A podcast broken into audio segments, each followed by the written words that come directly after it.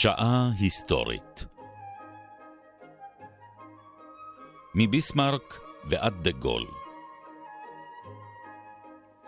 הפרופסור מיכאל הרסגור וליעד מודריק משוחחים על הניצחונות, המפלות והתככים של המאות ה-19 וה-20.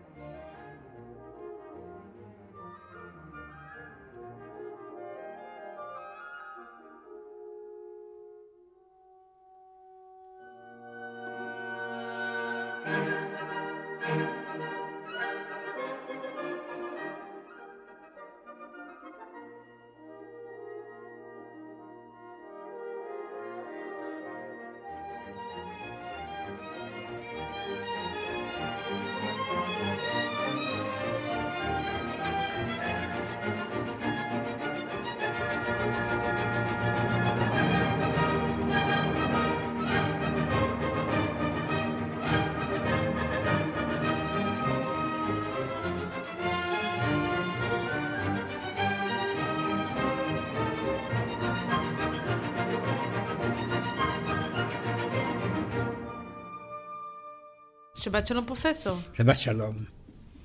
קיים מנהג ותיק מאוד בדיפלומטיה הבינלאומית, שאיננו זקוק להרבה פירושים, ואין אפילו גם הרבה מסמכים, מפני שבדרך כלל דברים שנעשו בעל פה, וימנעו בכל האפשר מכתב. אבל ההיסטוריונים המנתחים את המתרחש יכולים לגלות את קיומו של מנהג הפיצויים. אני חשבתי שאולי אתה מדבר על שוחד, מה שמתקיים רק בעל פה ולא לא. בכתב. זה דומה. דומה. דומה, כן. מהו מנהג הפיצויים? מנהג הפיצויים הוא שאם מדינה מסוימת מצליחה הישג גדול, המדינות האחרות טובות פיצויים. מהמדינה שהשיגה הישג? או מן העולם כולו, יש להעניק אותם פיצויים כדי לפצות אותם מן העובדה שהיא לא השיגה את ההישג הגדול. כלומר, אם מדינה אחת מצליחה לכבוש לעצמה נגיד חלק ארץ, או כן. מנצחת במלחמה, המדינות האחרות שבכלל לא היו מעורבות בסכסוך, בדיוק. דורשות גם לעצמן נתח? פיצויים כדי להעלות את רמתם בעולם. והדוגמה הטובה ביותר היא הדוגמה של ביסמרק. אשר שיחק בעניין הפיצויים בצורה מנצחת ביותר.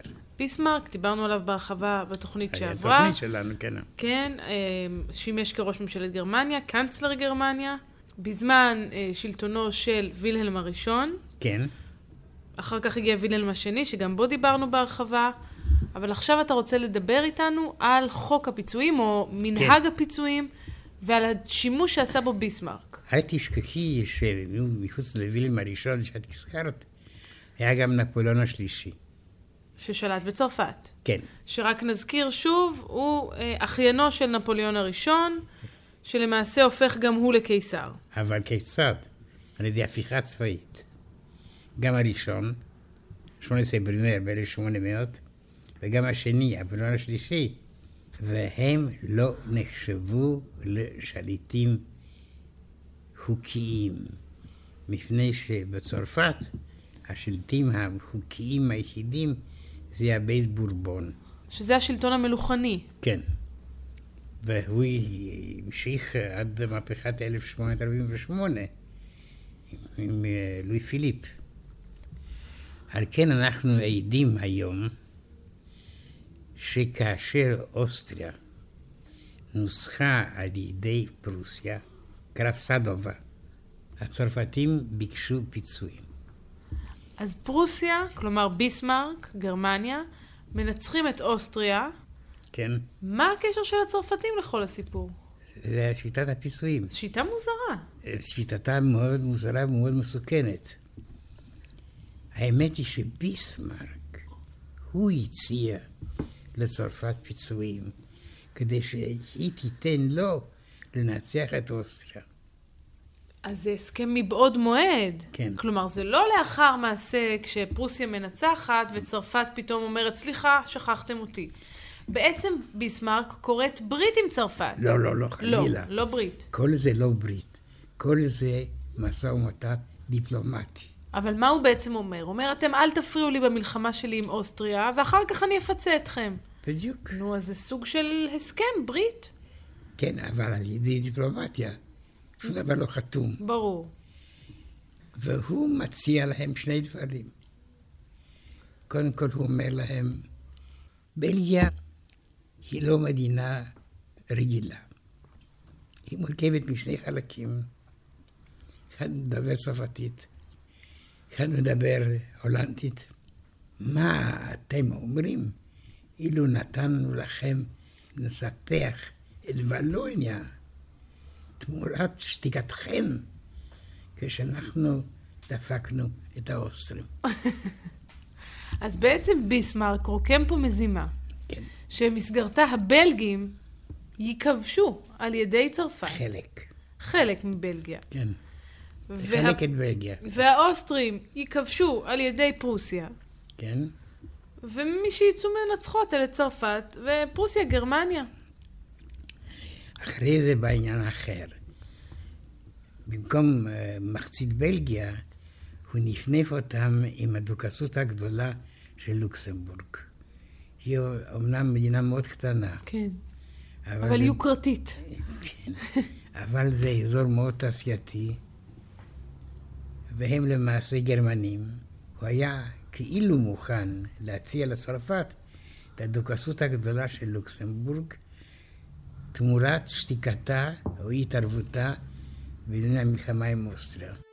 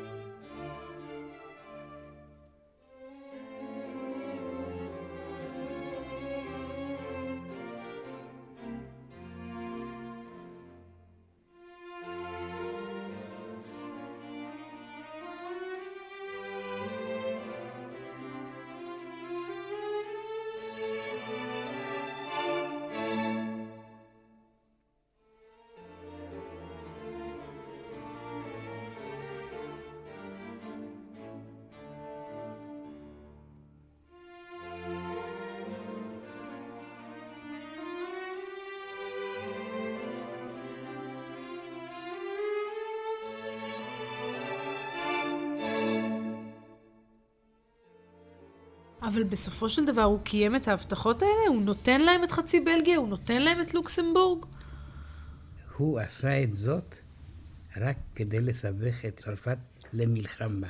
הוא הבטיח ולא הבטיח, וצרפת חשבה, הנה, יש הזדמנות.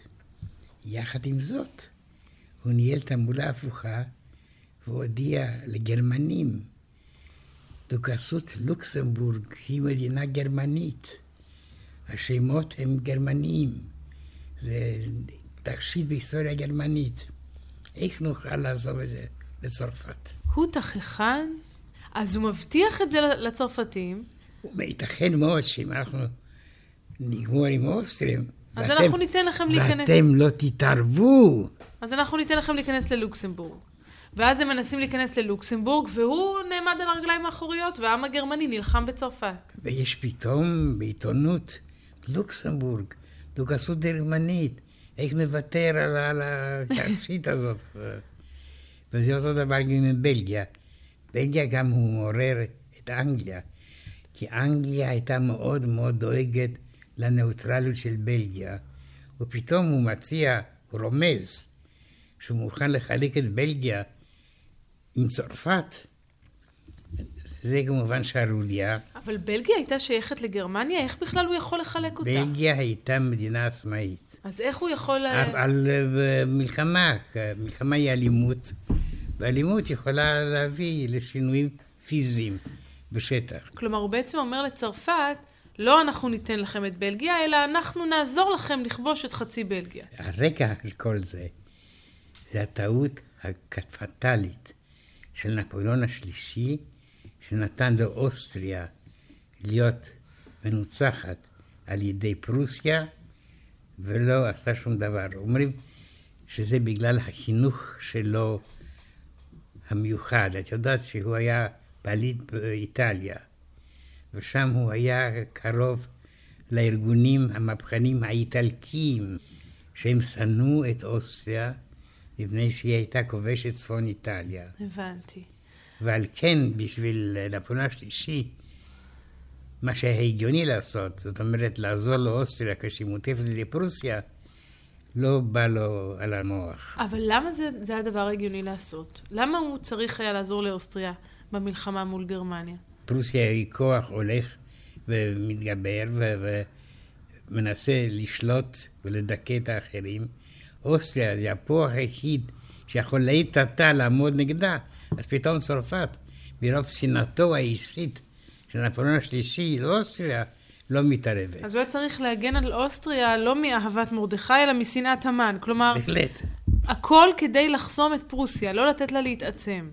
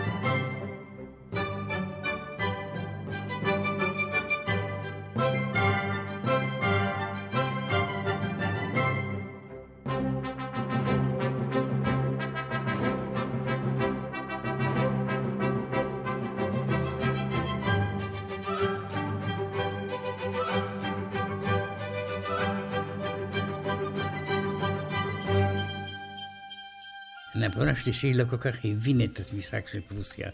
היום כל אחד אומר שהדיפלומטיה של ביסמרק הייתה אפילו גם uh, פושעת, מפני שאת יודעת שהמסמך הראשי של המלחמה היה המברק מאמס. שהוא זייף. שהוא זייף. מה הייתה אמס? אמס הייתה עיר קיץ, ששם היו מים מבריאים. וקיסר גרמניה, וילהלם הראשון, היה דואג לנסוע כל קיץ לאמס ולשתות את המים. כמובן שהוא היה להיראות כשליט אה, דמוקרטי, ועל כן הייתה קבוצה קטנה שעמדה מסביבו, הוא הלך לשתות את המים, והקבוצה הזאת ליוותה אותו כשיצא שותים מים עם פביליון כזה מיוחד, שותים מים, הולכים, שותים, שותים, מטיילים, וזה אמפס. אז מה קרה? קרה שנפוליאון השלישי שלח את השגריר הצרפתי, בנדטי, לאמס, כאשר הקיסר רוצה לשתות מים, להיות בריא, כן. הוא ראה איזה קניין של בריאות, פתאום מופיע שגריר צרפת בנדטי. שאגב, בנדטי שם איטלקי נשמע. בנדטי הוא היה קורסיקני. כמו נפוליאון הראשון. הודות לנפוליאון הראשון, הוא הגיע להיות אה, שר החוץ, כי אלה היו משפחות קרובות לבונפרטה. הבנתי. כשבונפרטה עלה, גם בנדטי עלה. אבל בנדטי זה היה אדם מאוד רציני, ויש לנו הכתבים שלו. ואז הוא פתאום דרש מבנדטי שילך לאמס, שם איפה הקיסר שותה מים, לדרוש ממנו הבטחה שאף נסיך גרמני לא יהיה מועמד לכתר ספרד. והסברת לנו בתוכנית הקודמת את החשש הצרפתי. כן. שאם נסיך גרמני ישלוט בספרד, למעשה צרפת תהיה כלואה בין גרמניה לבין ספרד, וייווצר כוח גרמני. כפי שהייתה במאה ה-16, כן. אבל מן המאה ה-16 יצא מן הסבך הזה, ועכשיו, הודות לפעולה השלישי, היא לא תצא מן הסבך. עכשיו, השיחה האמיתית הייתה אדיבה. בנדטי העלה את הבקשה, קיסר גרמניה אמר, אני אחשוב על זה, בדיוק. חזר לשתות מים, ונפרדו כידידים. המברק המנסח את הפרשה הזאת, כפי שאת אמרת, לא היה פוגע מדי. וכאן ביסמרק לקח את העט, והוא בעצמו זייף את המברק, כדי להראות שהיה עלבון משני הצדדים, שהשגריר בנדטי העליב את הקיסר, את עדיין המלך הפרוסי, כן. ושהמלך הפרוסי העליב את בנדטי, כלומר את נפוליאון השלישי. אז הוא יצר ריב במקום שלמעשה לא היה ריב. כן, בדיוק. זה זיוף, זיוף. אבל אה, הוא אמר בציניות, כאשר המברק הזה ייוודע בפריס, הוא יפעל הסמרטוט האדום על השור במלחמת שברים בספרד. כן. וזה נכון. היה פתאום התפרצות עצומה של זעם. ובנדטי, שחש שזה יהיה, לקח את הרכבת ונסע מגרמניה לצרפת כן. כדי להרגיע את הרוחות. זהו, לא, למה הוא לא אמר לנפוליאון, תשמע, בסך הכל הייתה שיחה נחמדה מאוד. בדיוק.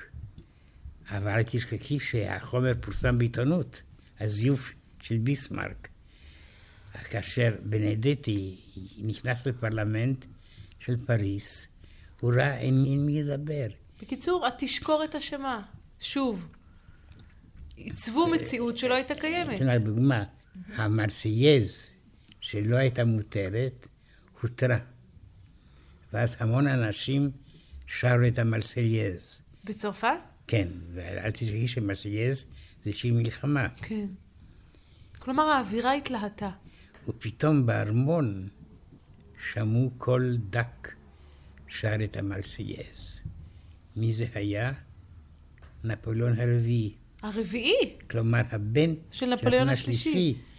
הוא היה כל כך נשטף על ידי לאומנות, שהוא שר שיר שהיה אסור על ידי המשטרה, אבל הוא יורש עשר שר.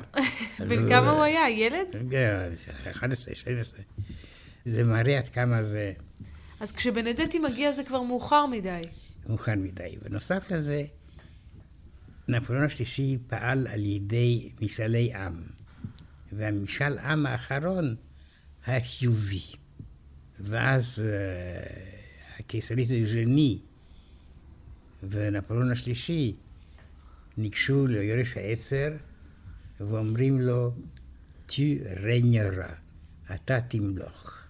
לפני שמשאל העם הוא חיובי, סימן שעתיד השושלת מובטח. מובטח. כלומר, לפי דעתי, זה אשליות איומות שנוצרו על ידי המומחה הגדול בזיופים ובאינטריגות, הוא אוטו פון ביסמרק. והמברקים הללו והרמזים הללו של ביסמרק, קחו חצי בלגיה, קחו דוכסות לוקסמבורג, כל זה הסית את הצרפתים, וחשבו שזה עסק טוב. ביסמרק לא חשב אלו רגע להגשים לו את זה ואת לזה, אבל הוא רצה להכניס את צרפת למלחמה מפני שהוא ידע שצרפת לא מוכנה למלחמה. היא הייתה על חמת מלחמת מקסיקו, שם נפוליאון השלישי בזבז כוחות ללא כל ההישג.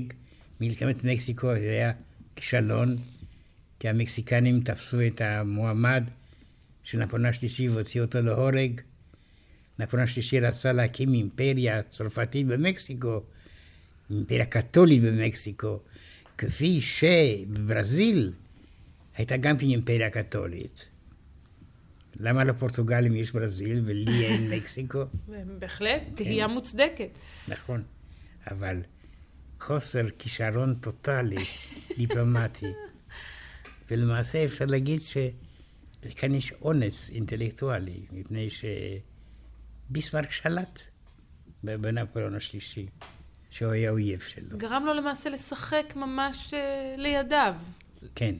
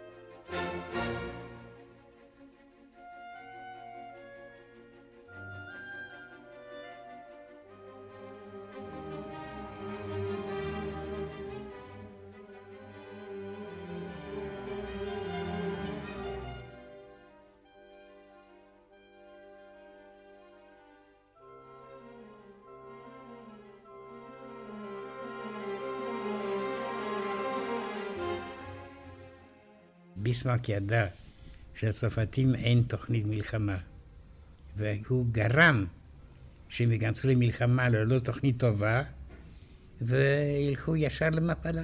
ואז פורצת המלחמה?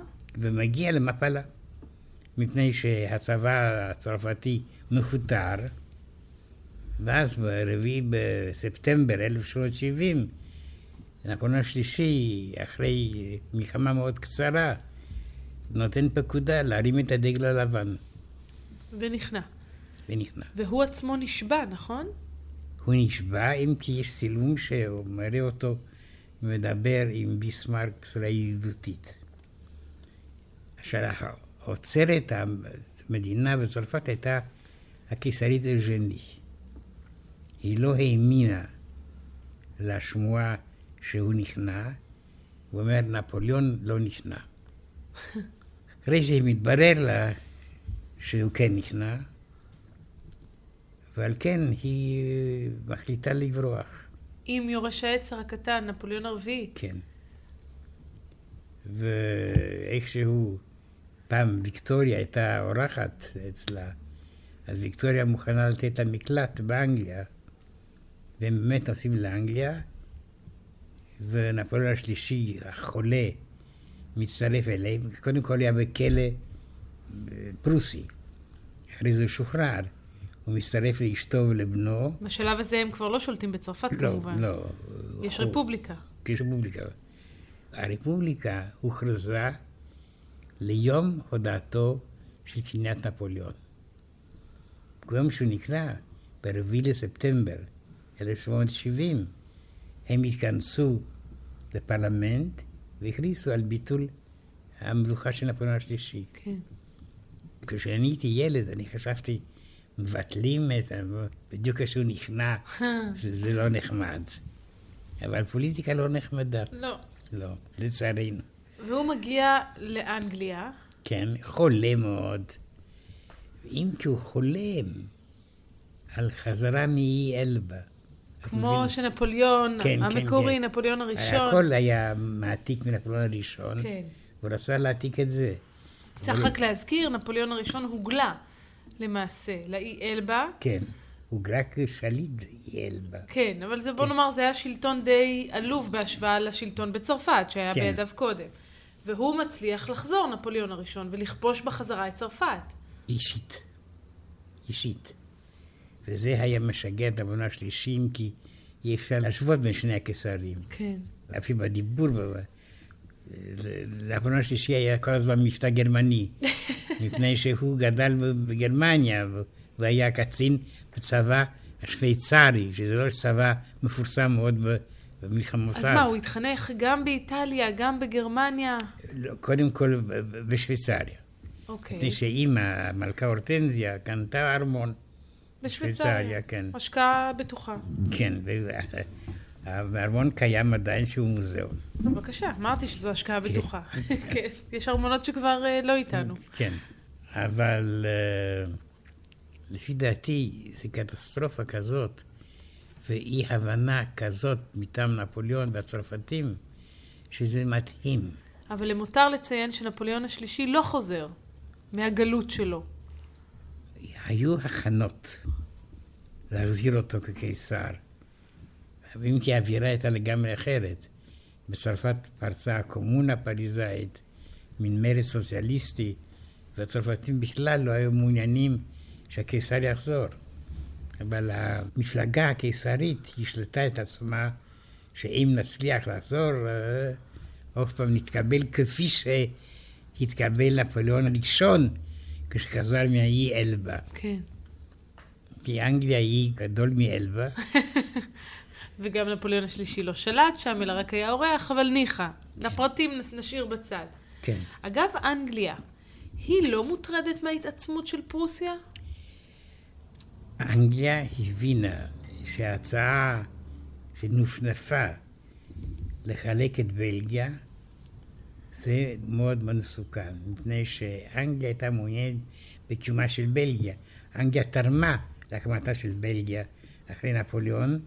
הראשון. ש... הראשון, כדי שיהיה מין מדינת ביניים לבינה לבין גרמניה. היא רצתה שיהיה שם איזה גוף ניטרלי. כן, וזה נמנע מהתפשטותה של גרמניה. ועכשיו כשמתחילים לדבר על חלוקת בלגיה, כלומר של קירוב גרמניה לרוב אנגליה, המצב מסוכן. אבל האנגלים לא מתערבים. האנגלים לא מתערבים, אבל האנגלים מושפעים על ידי התעמולה של ביסמרק. כלומר, ביסמרק אומר להם, אני לא חושב לחלק את בלגיה, זה רק סיפרתי לצרפתים כדי לשגע אותם. אבל איך אפשר להאמין לאיש כזה, שאומר למדינה אחת משהו אחד, למדינה אחרת משהו אחר, כולם מקבלים את דבריו כרב וקדש, ו... אבל כל מה שהוא אמר היה מאוד הגיוני. מאוד הגיוני, אבל לא נכון. כן, נכון. נכון לאנגלים, הוא- לא הוא- נכון לצרפתים. הוא, נכון. הוא לא חילק את בלגיה, הוא רק דיבר על אפשרות של חלוקת בלגיה.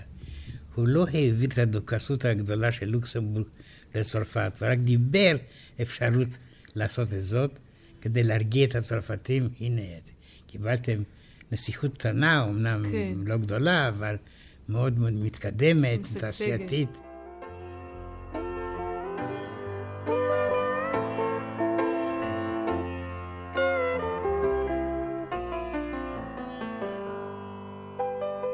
מתחילות השיחות מתחילות במלמול חרישי. עובר חודש אחד שיחות נמשכות. עוברים שני חודשים בראש חודש שלישי מודיעין בראש חודש שלישי מודיעין קרוב יימשכו השיחות יימשכו השיחות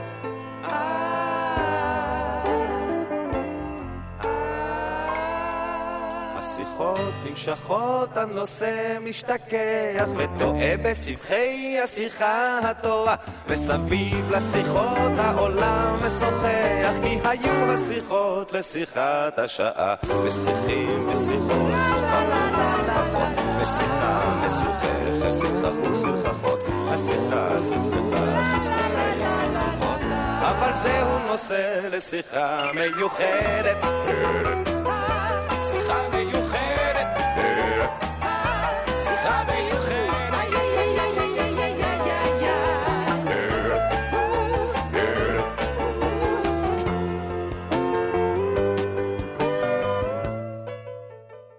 דיברנו בתוכנית הקודמת על כך שאצל ביסמרק אפשר למצוא במובנים מסוימים ניצנים לדיבור הגזעני. כי הוא הרי דיבר על כך שהוא רוצה רק גרמנים טהורים, הוא דיבר על Kleindeutschland, כלומר גרמניה הקטנה, לא רצה... בלי אוסטריה, בלי אוסטריה. בלי אוסטריה, כי האוסטרים הם לא גרמנים אמיתיים. כן.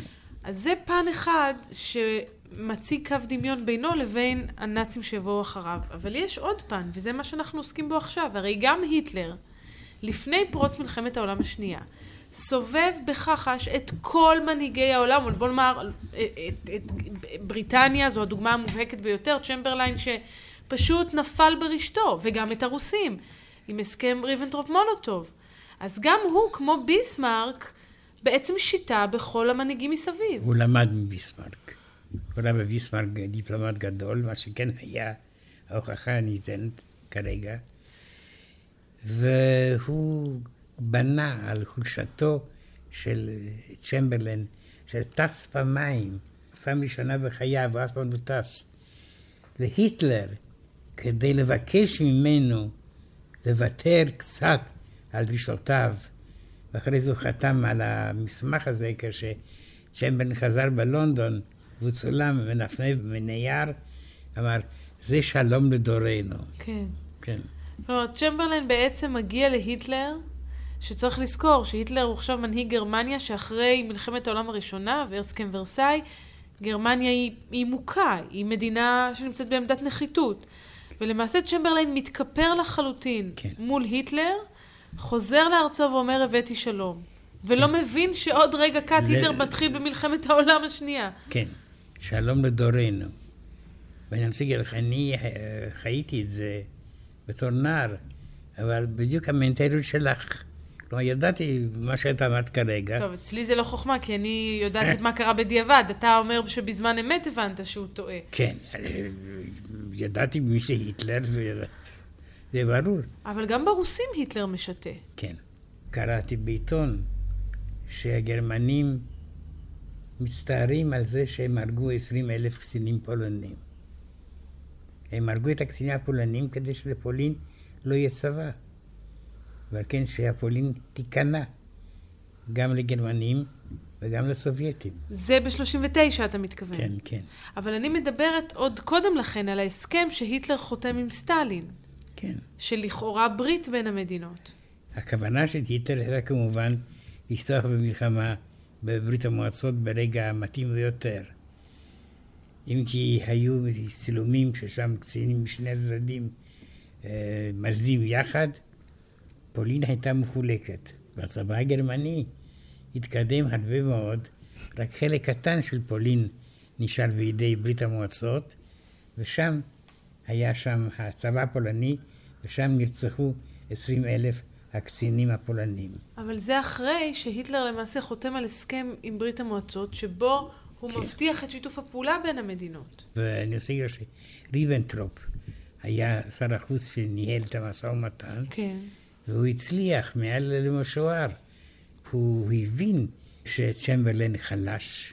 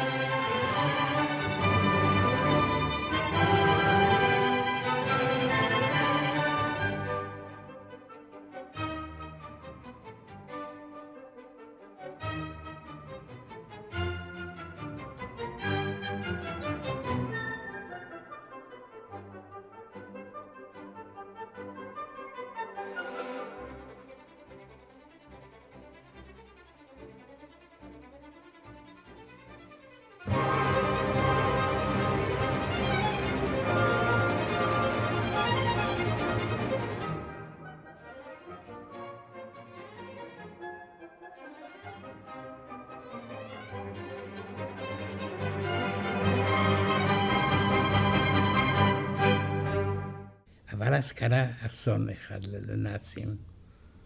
האנגלים מינו את צ'רצ'יל, ראש הממשלה. והיו באנגליה הרבה הרבה אנשים שהתנגדו לזה, כולל ג'ורג' השישי והמלכה אליזבת. שג'ורג' השישי, אם אנחנו כבר גולשים כאן הרבה קדימה, אבל ג'ורג' השישי היו גם שמועות על יחסי קרבה בינו לבין היטלר.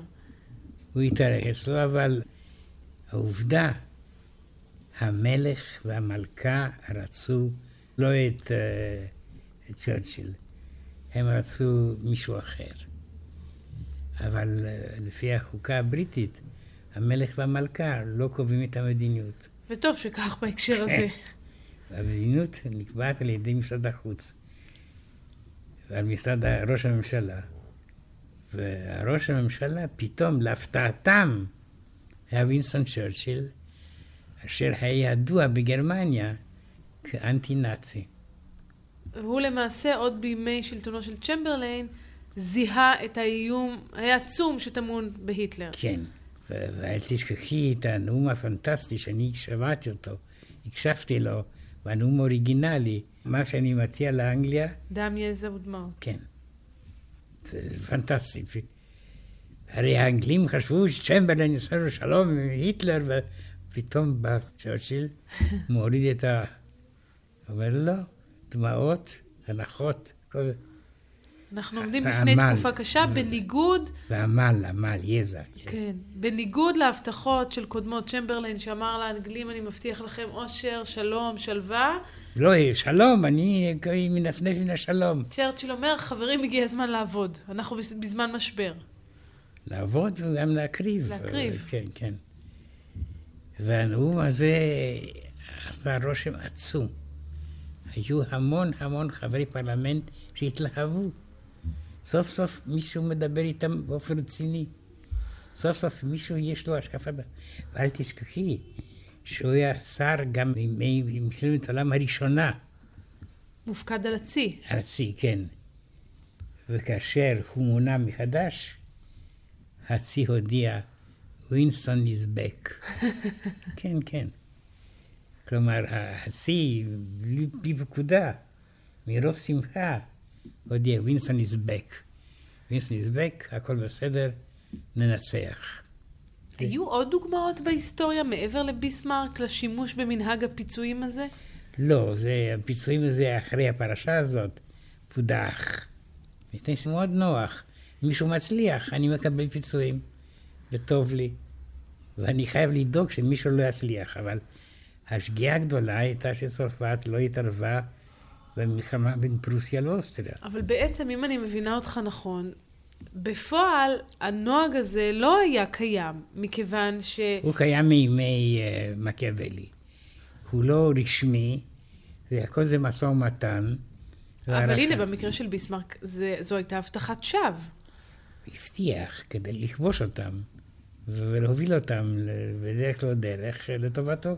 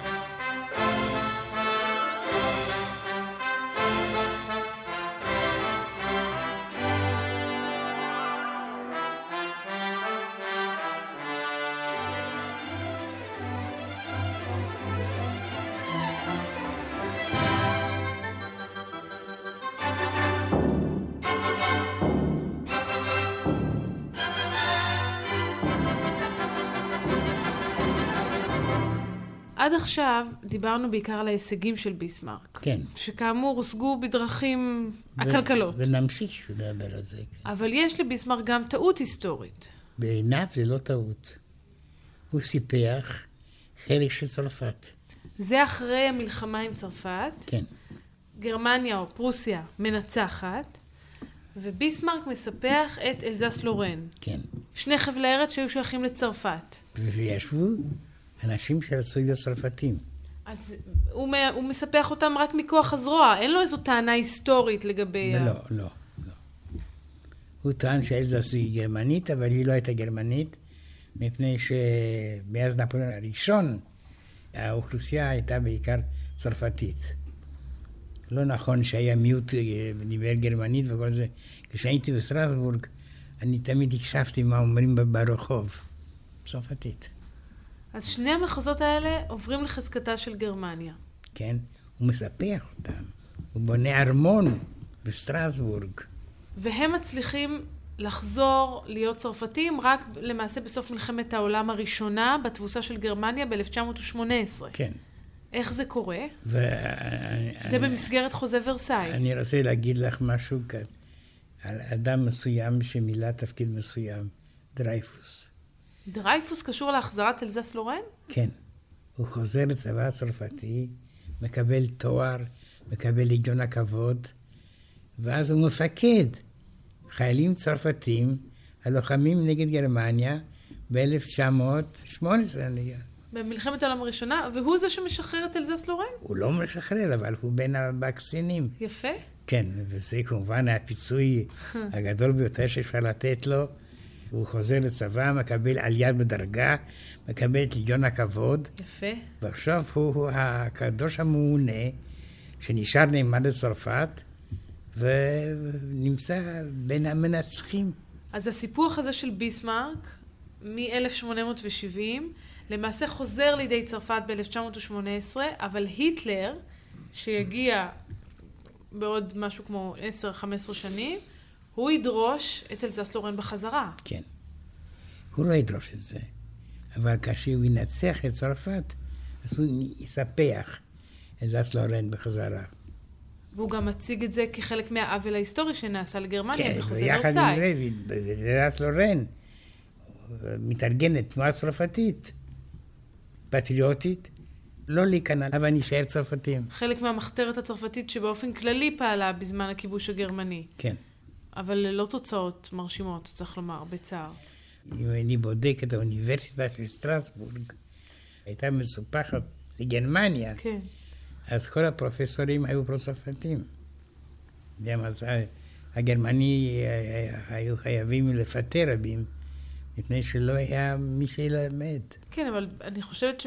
אתה יודע, מי אנחנו שנשפוט, אבל בזיכרון ההיסטורי, תקופת הכיבוש הגרמני את צרפת, היא תקופה מבישה מאוד בהיסטוריה הצרפתית. את מתכוונת לפטן? לפטן, לממשלת וישי, כן. והעובדה שצרפת לא עמדה על רגלי האחריות. היו, הייתה מחתרת, אבל צרפת כמדינה, בסופו של רגע, דבר... אבל האימפריה הצרפתית לא זזה. זה כל צפון אפריקה, זו אימפריה צרפתית עצומה. הגרמנים לא הצליחו להשתלט עליה. הצרפתים אמרו את האימפריה בשום אופן לא. היו רציחות וכל זה, זה לא הצליח. היטלר מאוד רצה, כמה שהוא רצה, זה לא עלה לו. אם כי צרפת הייתה מנוצחת, היא לא מסרה לו האימפריה בצפון אפריקה. הייתה מן האוקיינוס האטלנטי עד האוקיינוס השקט, זה היה משהו עצום. והזכרנו את הגיבור הבריטי, שכמובן ניצב כצוק איתן במלחמת העולם השנייה, צ'רצ'יל, יש גם גיבור צרפתי. דה גול. כן, ואני רוצה להגיד לך, זה היה פנטסטי.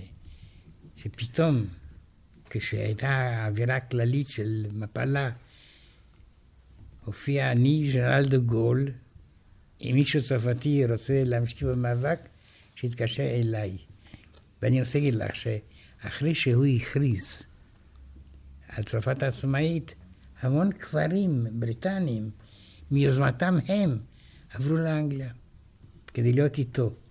אתה כמובן מתייחס לנאום הרדיו המפורסם של דה גול, כן, שבו הוא התנער משלטון וישי, הוא התנער משיתוף הפעולה עם הנאצים, וקרא לצרפתים לצאת לחופשי.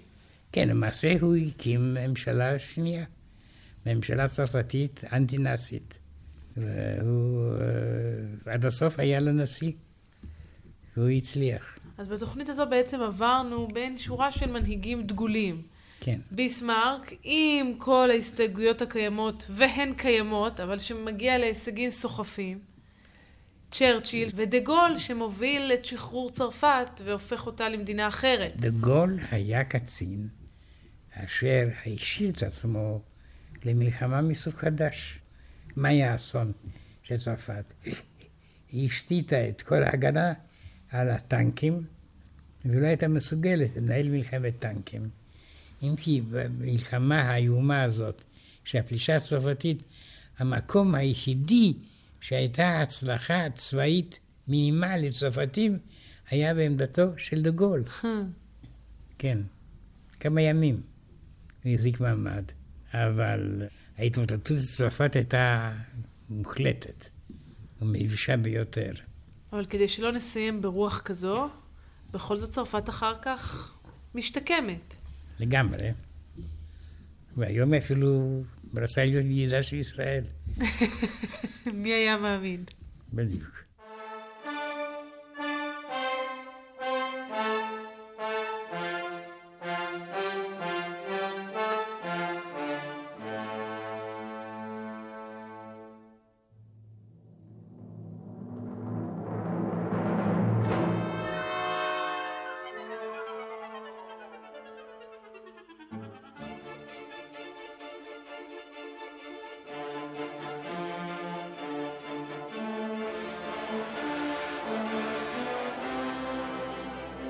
שעה היסטורית.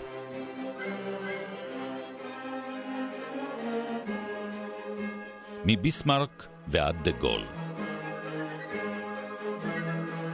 הפרופסור מיכאל הרסגור וליעד מודריק שוחחו על הניצחונות, המפלות והתככים של המאות ה-19 וה-20. עורכת דרור שרון ייעוץ מוסיקלי, עמליה רוזן. ביצוע טכני, בני יהודאי, נווה בראל, גרם ג'קסון ועידן סביליה. בתוכנית הושמעו קטעים מוסיקליים מאת וולפגנג עמדאוס מוצרט, לודוויג ון בטהובן וארתור סליבן, וכן השיר שיחות דיפלומטיות בביצועו של אריק איינשטיין.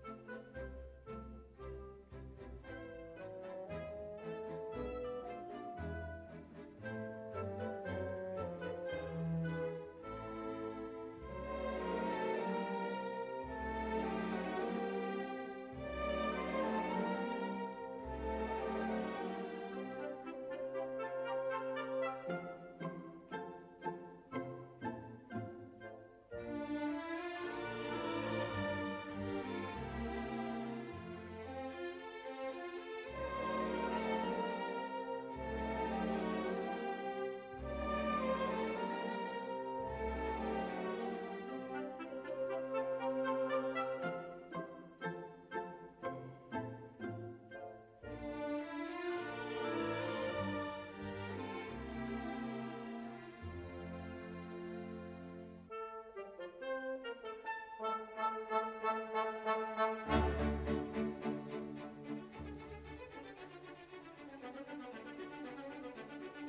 you.